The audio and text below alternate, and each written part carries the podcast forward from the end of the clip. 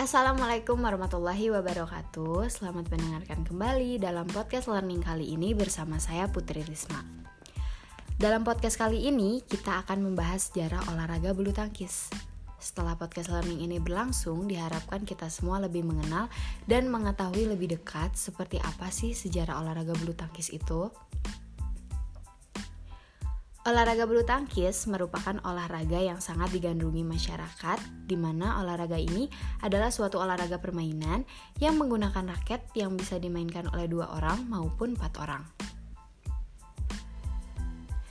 Olahraga yang menggunakan bola dan raket ini berkembang di Mesir kuno sekitar 2000 tahun lalu. Nenek moyangnya adalah sebuah permainan Tionghoa bernama Jianzi yang melibatkan penggunaan bola tetapi tanpa raket. Objek atau misi permainan ini adalah untuk menjaga bola agar tidak menyentuh tanah selama mungkin tanpa menggunakan tangan.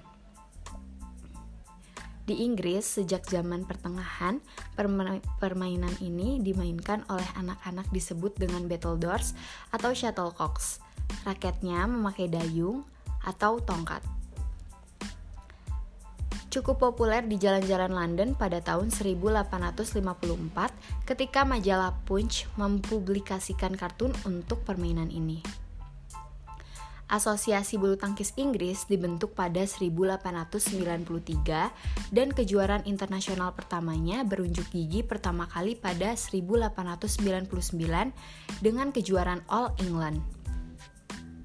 Bulu tangkis menjadi sebuah olahraga populer di dunia, terutama di wilayah Asia Timur dan Tenggara yang saat ini mendominasi olahraga ini dan di negara-negara Skandinavia.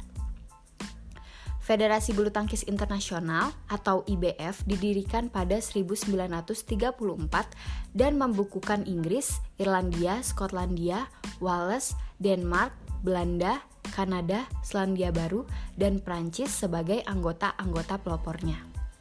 India bergabung sebagai afiliat pada 1936. Olahraga ini menjadi olahraga Olimpiade musim panas di Olimpiade Barcelona tahun 1992. Indonesia dan Korea Selatan sama-sama memperoleh masing-masing dua medali emas tahun itu. Perkembangan bulu tangkis di Indonesia tidak dapat dipisahkan dengan perkembangan bangsa Indonesia. Sejak masa sebelum revolusi fisik, gerakan kemerdekaan, sampai dengan periode pembangunan masa Orde Baru dewasa ini, beberapa orang Belanda membawa jenis cabang olahraga ini, serta pelajar-pelajar Indonesia yang pulang belajar dari luar negeri dengan cepat menjadikan cabang olahraga ini digemari masyarakat.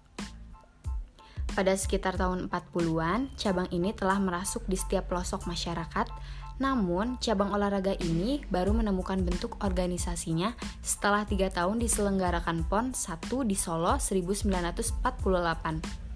Tepatnya tanggal 5 Mei 1951, Persatuan Bulu Tangkis Indonesia baru terbentuk disingkat PBSI di Kota Bandung kegiatan yang semarak, pertandingan kompetisi yang teratur dalam waktu tujuh tahun telah membuahkan hasil yang positif yakni keberhasilan merebut Thomas Cup, lambang supremasi dunia bulu tangkis.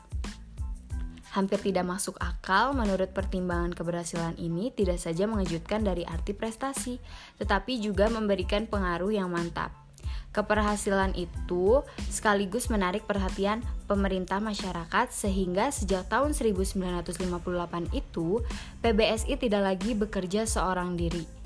Tidak saja hasil di Thomas Cup, sejak saat itu para pemain Indonesia mampu menunjukkan prestasinya di berbagai turnamen internasional seperti All England, Asian Games, Uber Cup, dan lain-lainnya.